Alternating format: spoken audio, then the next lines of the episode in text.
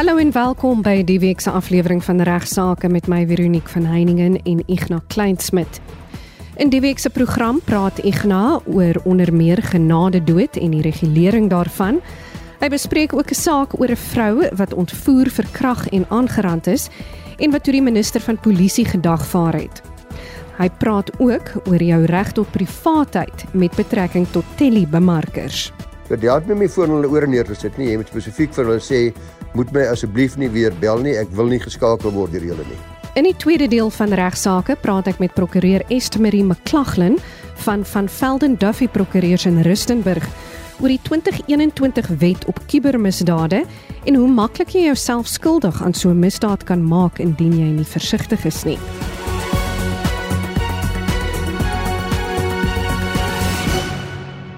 Ons verwelkom nou eers vir Ignas Kleinsmid.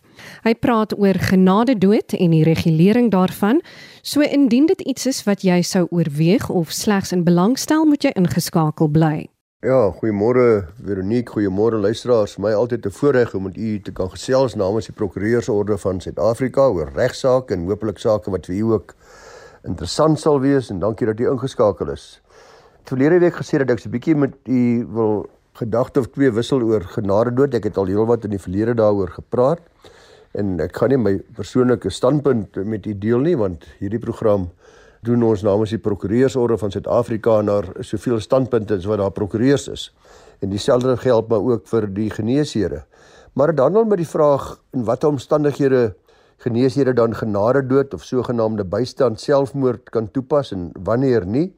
En Ek kan maar vir julle sê oor die hele wêreld is daar geweldige regsontwikkeling in hierdie verband en al hoe meer en meer lande laat genade dood toe. In Suid-Afrika is daar 'n webwerf wat u gerus kan gaan kyk as u in hierdie onderwerp belangstel met die naam van Dignity SA. Dis 'n organisasie wat hulle beywer vir uh, genade dood onder goed gereguleerde omstandighede en uh, wat ook dan besig is met hofsaake om te kyk of hulle ons grondwetlike hof kan oortuig om wetgewing te wysig om onder sekere goed gereguleerde gekontroleerde omstandighede genade dood of bystand selfmoord toe te laat. Nou, ek wil met u gesels oor 'n artikel wat ek dan in die Daily Maverick raak geloop het. Die artikel se naam is Legislation on End of Life Decisions in South Africa Long Overdue. Gepubliseer op 24 April 2022 en geskryf deur Dr. Simon. Nou, hy maak dit baie duidelik dat wat hom betref en baie ander ook wetgewing oor hierdie saak in Suid-Afrika baie broodnodig raak al aangesien daar soveel vordering is in mediese tegnologie en daar ook soveel belangstelling in hierdie onderwerp is en ook soveel regsontwikkeling oor die hele wêreld. Nou, hy praat van afstandbeheerde rekenaargedrewe pasaangewers, hy praat van varkharte, hy praat van kryogenika wat alles deel is reeds van ons realiteit in die wêreld maar ook in Suid-Afrika. Nou hierdie dokter is afgetrede hoof van die forensiese onderrig by die Universiteit van Pretoria maak 'n paar punte onder andere dat uh, dokter self nie seker is of hulle moet resusciteer al dan nie en of hulle 'n instruksie om te resusciteer moet eerbiedig of nie. Want hulle is natuurlik almal bekommerd oor die moontlike mediese nalatigheidseise wat hulle in die gesig staar. Hy verskaf wat my betref baie interessante statistieke. Hy sê 84% van dokters wat deelgeneem het aan 'n peiling sê dis vir hulle baie belangrik dat daar baie meer duidelike en formele riglyne neergelê moet word of baie duideliker wetgewing moet wees in Suid-Afrika met betrekking tot instruksies wanneer hulle mag en wanneer hulle nie mag resusciteer nie. In 'n peiling oor hulle moenie resusciteer instruksies sal eerbiedig wat op 'n pasiënt wat ongeskik is toegepas moet word nie, het 53% ja geantwoord. 18% het gesê nee, hulle sal nie en 29% was onseker. Op die vraag of hulle die uitdruklike geskrewe instruksies gaan eerbiedig van 'n pasiënt wat in 'n komatose toestand gevind is as gevolg van selfmoord, het 56% ja gesê, 32% het nee gesê en 12% was weer eens nie seker nie. Dis nou 'n geval waar dit duidelik was hierdie persoon wil nie langer lewe nie. Professor Simon het klem gelê op selfmoord in Suid-Afrika en het gesê dat dit ongelooflik toeneem, baie meer toeneem as moord, selfs voor die COVID pandemie, ongelukkig met selfmoorde waaronder die hoogste syfers jong ekonomies aktiewe mense is, is daar ook 'n probleem dat daar soveel lewensvatbare organe is, maar geen of min toestemming om dit te oes of oor te plant nie. Dis natuurlik ook 'n ander onderwerp waarop ons as Suid-Afrikaners baie meer bewus van moet behoort te wees. Die volgende peilingsvraag was of moet die opdrag van 'n onmiddellike familielid om nie weefsels of organe van 'n bevestigde skenker te gebruik of te verwyder nie gehandhaaf moet word nie. Met ander woorde, ek is 'n skenker, ek het gesê voor my dood ek is 'n skenker. Nou sê my familie Aikona, ja, geen weefsel of organe mag geskenk word nie. Hier was die geneesheere meer seker. 72% het geantwoord hulle sal voortgaan om te verwyder en 19% het gesê ja, hulle, hulle sal nie die organe verwyder nie en 9% was nie seker wat om doen nie, maar 'n groot persentasie het gesê hulle gee nie om wat die familie sê nie as die skenker duidelik aangetoon het dat hy of sy 'n skenker wil wees, sal hulle voortgaan. 72% sal voortgaan. Dr. Simon uh, het voorgestel dat geneesheer nou reeds moet behoorlik beplanning met hulle pasiënte moet bespreek met betrekking tot end of life om te verhoed dat daar latere probleme is en hy het genoem dat 70 tot 80000 mense in Suid-Afrika doodgaan weens onnatuurlike oorsake. Dis nou per jaar wat lei tot 'n ongeëwenaarde reservoir van lewensvatbare organe, maar dat ongelukkig die getalle drasties verminder word deur kulturele en godsdienstige hindernisse. So die konsep wat hy van praat van do not resuscitate het reeds in die laat 1970s sy kop uitgesteek in Suid-Afrika luisteraars, maar ongelukkig is daar al 5 dekades verby waar daar geweldig baie ontwikkeling wêreldwyd is, maar Suid-Afrika is daar nog bitter min vordering gemaak. Die artikel word afgesluit deur te noem dat geneesere behoort almal aktiviste te wees vir hierdie saak en dat dit tyd geword het om druk te plaas op die geneesere se professionele liggame op werk te maak van hierdie kwessie en ek glo ook dat dit waarskynlik nie baie lank sal wees voordat ons 'n behoorlike uitspraak deur ons konstitusionele hof kan verwag wat leiding in hierdie verband sal gee nie. Ek nou bespreek nou 'n saak wat terugdateer na 2010 en nie die nodige aandag ontvang het nie. Dit handel oor 'n vrou wat op 'n strand gestap het, ontvoer, verkrag en aangerand is. Kom ons hoor wat sê Ignas. In ons hoogste hof van appel, die saak van AK versus die minister van polisie wat onlangs gerapporteer is, begin die regters van die Hoogste Hof van Appel hulle uitspraak met die volgende aanhaling. Ek haal aan. Women in this country are entitled to the protection of and hakkies the rights to dignity, privacy and integrity of person. They have a legitimate claim to walk peacefully on the streets, to enjoy their shopping and their entertainment to go and come from work and to enjoy the peace and tranquility of their homes without the fear, the apprehension, and the insecurity which constantly diminishes the quality and enjoyment of their lives. So die regters van die appelhof praat hierso van vroue, maar ek dink dit is net so van toepassing op mans en op kinders en op alle inwoners van Suid-Afrika. So alhoewel hulle met hierdie uitspraak begin het in die appelhof, het hulle aan die einde die saak van mevrou K teen die polisie van die hand gewys. Gelukkig vir MK en vir baie ander slagoffers van misdaad is die saak egter verwys na die konstitusionele hof en hulle het die laaste sê as dit by sake kom waar 'n grondwetlike aspekte aangespreek word. Realiteit luisteraars is dit baie Suid-Afrikaners waarskynlik hulle self met die storie van mevrou K kan vereenselwig want wat met haar gebeur het is Sy het op die strand gestap in Desember 2010 toe sy deur 'n onbekende man ontvoer is en vir ure lank tussen die duine agter die strand verkrag en aangerand was. Meka kon die volgende oggend ontsnap en sy het toe dadelik klagtes by die SAPD aanhangig gemaak, maar tot op hede is daar nog geen persoon gearresteer of aangekla in verband met hierdie aaklige gruisame voorval nie. Inteendeel Daar is nog geen vordering gemaak om die identiteit van die misdadiger enigstens vas te stel nie. Dit het daartoe gelei dat uh, eh, mekaar die minister van polisie gedagvaar het vir genoegdoening vir haar psigologiese skade wat sy volgens haar gelei het. Nou haar saak was daarop gebaseer dat die polisie nie alles gedoen het wat redelikerwys van 'n polisie mag verwag kan word toe hulle die aand van haar ontvoering op daardie einste strand na haar gaan soek het nie. Verder het sy ook aangevoer dat die polisie nie 'n redelikerwys billike ondersoek daarna gedoen het om hierdie misdadiger te identifiseer en behoorlik voor die hof te bring, aan te kla en dat reg geskied nie. Nou die grondwetlike hof het in 'n mylpaal vir landmerk uitspraak mevrou K se eis teen die polisie wel toegestaan. Dis nou nadat die appel op dit van die hand gewys het.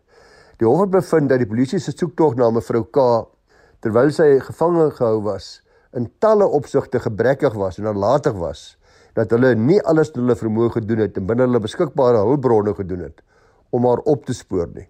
Paar feite net want ten spyte van polisielede wat beskikbaar was op die toneel het die polisie volgens die konstitusionele hof nie eens die basiese stap geneem deur op die strand rond te loop en daarna hardop uit te skreef te roep nie. Daar was wel een polisielid wat met 'n hond op die strand geloop het, maar daardie lid het nie tot teen die heining waar die einde van die strand aangemerk word geloop nie.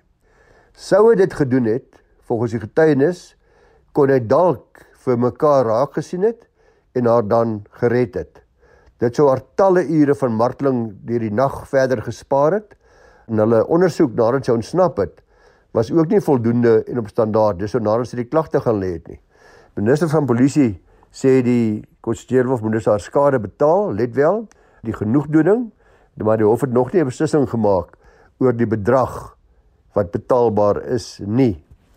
Ek sou graag as iemand dalk nader aan die saak lewe en vir ons wil mettertyd laat weet wanneer die saak weer voorgekom het en wat die bedrag is wat deur die hof bepaal is as uh, betaalbaar aan mekaar. Hierdie uitspraak is nie net oorwinning luisteraars wat my betref vir mekaar nie, maar vir elke Suid-Afrikaner, is mans en vroue en kinders wat 'n slagoffer van misdaad is. Die polisie sal nie noodwendig nalatig wees in alle gevalle nie, natuurlik nie.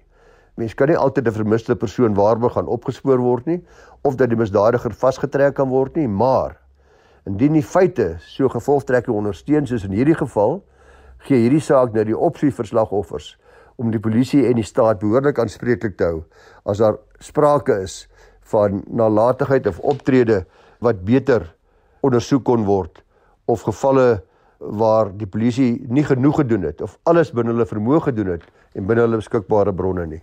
Ek gaan bespreek laastens 'n luisteraarsvraag oor telebemarkers en jou reg op privaatheid. Dan luisteraars ter afsluiting net baie vinnig skryf wat ek kry van ST van Ooskaap. Sy sê sy is siek en sat vir telefoonbemarkers wat haar daagliks tuister.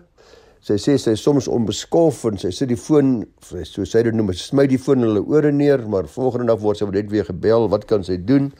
Nou dit is belangrik om kennis daarvan te neem luisteraars dat die POPIA wetgewing, die South African Protection of Personal Information Act, dit beskerm mens nie wanneer bemarkers jou telefonies kontak nie behalwe as jy vir hulle spesifiek sê dat hulle moet ophou om jou te bel.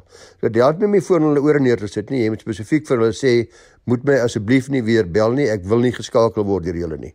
Want die rede daarvoor is dat Alhoewel die wet baie duidelik is dat direkte bemarking wat nie gevra word deur elektroniese kommunikasie nie onwettig is, is die definisie van elektroniese kommunikasie ongelukkig van so 'n aard dat dit nie bemarking deur telefoniese bemarking insluit nie. Dit val nie binne die definisie nie want 'n telefoon is nie 'n elektroniese kommunikasie middel nie in terme van die POPA wetgewing nie. So u moet vir hulle spesifiek dan vra om jou nie weer te skakel nie as hulle dan dit nie doen nie dan kan u gaan kla by die inligtingreguleerder maar uh, andersins as jy net dood om beskof is of net die foon neersit gaan dit nie help nie. Sterkte groete. Ons gesels weer hopelik lekker saam met u volgende week maandag 12:30 ek bedank graag weer vir Igna vir sy bydrae tot vandag se program. Ek praat nou met prokureur Estemerie McClaglin van van Velden Duffy Prokureurs oor nuwe wetgewing oor kubermisdaad. Estemerie, eerstens baie welkom en ek wil graag by jou weet oor die 2021 wet op kubermisdade. Dit het nou in werking getree, maar wat kan jy vir ons meer oor die wetgewing vertel? Dis korrek. In 2021 het die langverwagte wet op kubermisdade uiteindelik in werking getree en is baie belangrik vir elke persoon om te weet presies wat nou as 'n kubermisdaad beskou gaan word. Selfone, rekenaars, sosiale media, al hierdie tipe tegnologie is vir baie jare nou al deel van ons alledaagse lewe en dit het baie voordele maar dit word dikwels ook misbruik om misdade te pleeg of om iemand anders mee te tuister of af te pers of bedrog te pleeg al sulke tipe goeders. En die reg soos wat dit gestaan het voor die wet op kubermisdade het nie noodwendig altyd voorsiening gemaak vir die tipe misdrywe wat gepleeg word met die hulp van tegnologie nie. En die doel van die wet op kubermisdade is nou om hierdie leemte in die reg te vul en nuwe misdade te skep Watter tipe aanlyn gedrag word nou of deesdae beskou as 'n kubermisdaad? Die wet het verskeie nuwe misdade geskep wat oorhoofs bekend staan as kubermisdade. Die belangrikste om tot die luisteraar se aandag te bring is dat boodskappe waarvan die inhoud geweld of skade aan eiendom aan het of dreigemente daarvoor bevat of boodskappe wat intieme foto's van iemand anders bevat, word nou beskou as 'n kubermisdaad. Dan is daar natuurlik ander goed ook soos kuberbedrog en kuberafpersing wat nou 'n misdaad is. Enige boodskappe wat gestuur word wat nadelig is vir iemand anders kan 'n moontlike kubermisdaad wees en dan natuurlik ook as jy onregmatig toegang kry tot iemand anders se rekenaar of wagwoorde, al sulke tipe goed word nou beskou as 'n kubermisdaad. Estmarie, nou wat staan iemand te doen indien hulle 'n slagoffer van 'n kubermisdaad is? Die heel belangrikste ding wat 'n slagoffer moet doen, is om dit so gou as moontlik by die polisie te rapporteer. Die probleem met misdade wat aanlyn gepleeg word, is dat die bewyse vir daardie misdade maklik vernietigbaar is of as jy nie weet wie die persoon is wat die misdaad gepleeg is nie, kan hulle baie vinnig verdwyn basies. So die heel belangrikste ding vir slagoffers om te onthou is om dit so gou as moontlik by die polisie te rapporteer sodat jy die beste moontlike kans vir die polisie gee om die misdadiger vas te trek en genoeg bewyse te kry. Dan natuurlik maak die wet ook voorsiening vir slagoffers van kubermisdade om 'n beskermingsbevel teen die misdadiger te kry. En laastens Estmarie, wat is die gevolge vir iemand wat hulle self skuldig maak aan 'n kubermisdaad? Die wet skryf voor hoe hierdie tipe misdade ondersoek moet word, maar ook watse tipe straf opgelê kan word vir iemand wat skuldig bevind word daaraan. Die voorgeskrewe vonnisse in die wet behels boetes van tussen 5 miljoen en 10 miljoen rand of tronkstraf van tussen 5 jaar en 25 jaar, afhangend natuurlik van die tipe misdaad en die feite van elke saak. Die hof behou sy diskresie oor die aard van die vonnis wat vir iemand opgelê word. Dit is ook belangrik om te noem dat die wette plig plaas op elektroniese kommunikasiediensverskaffers en finansiële instansies soos byvoorbeeld banke om kubermisdade te rapporteer binne 72 uur nadat hulle daarvan bewus geword het. As hulle dit nie doen nie, is daar 'n moontlikheid dat hulle ook 'n boete van tot en met R50 000 opgelê kan word. Dit is dan al vir die week en dankie aan Ignas Kleinsmid en Estmarie McLaughlin, beide van van Velden Duffy Prokureurs, vir julle deelname in vandag se program. Vir enige navrae stuur gerus vir my 'n e e-pos na vero@rsg.co.za. Jy's ook welkom om 'n SMS te stuur na 45889. Onthou net, elke SMS kos jou R1.50. Van my Veronique van Heiningen groete tot volgende week.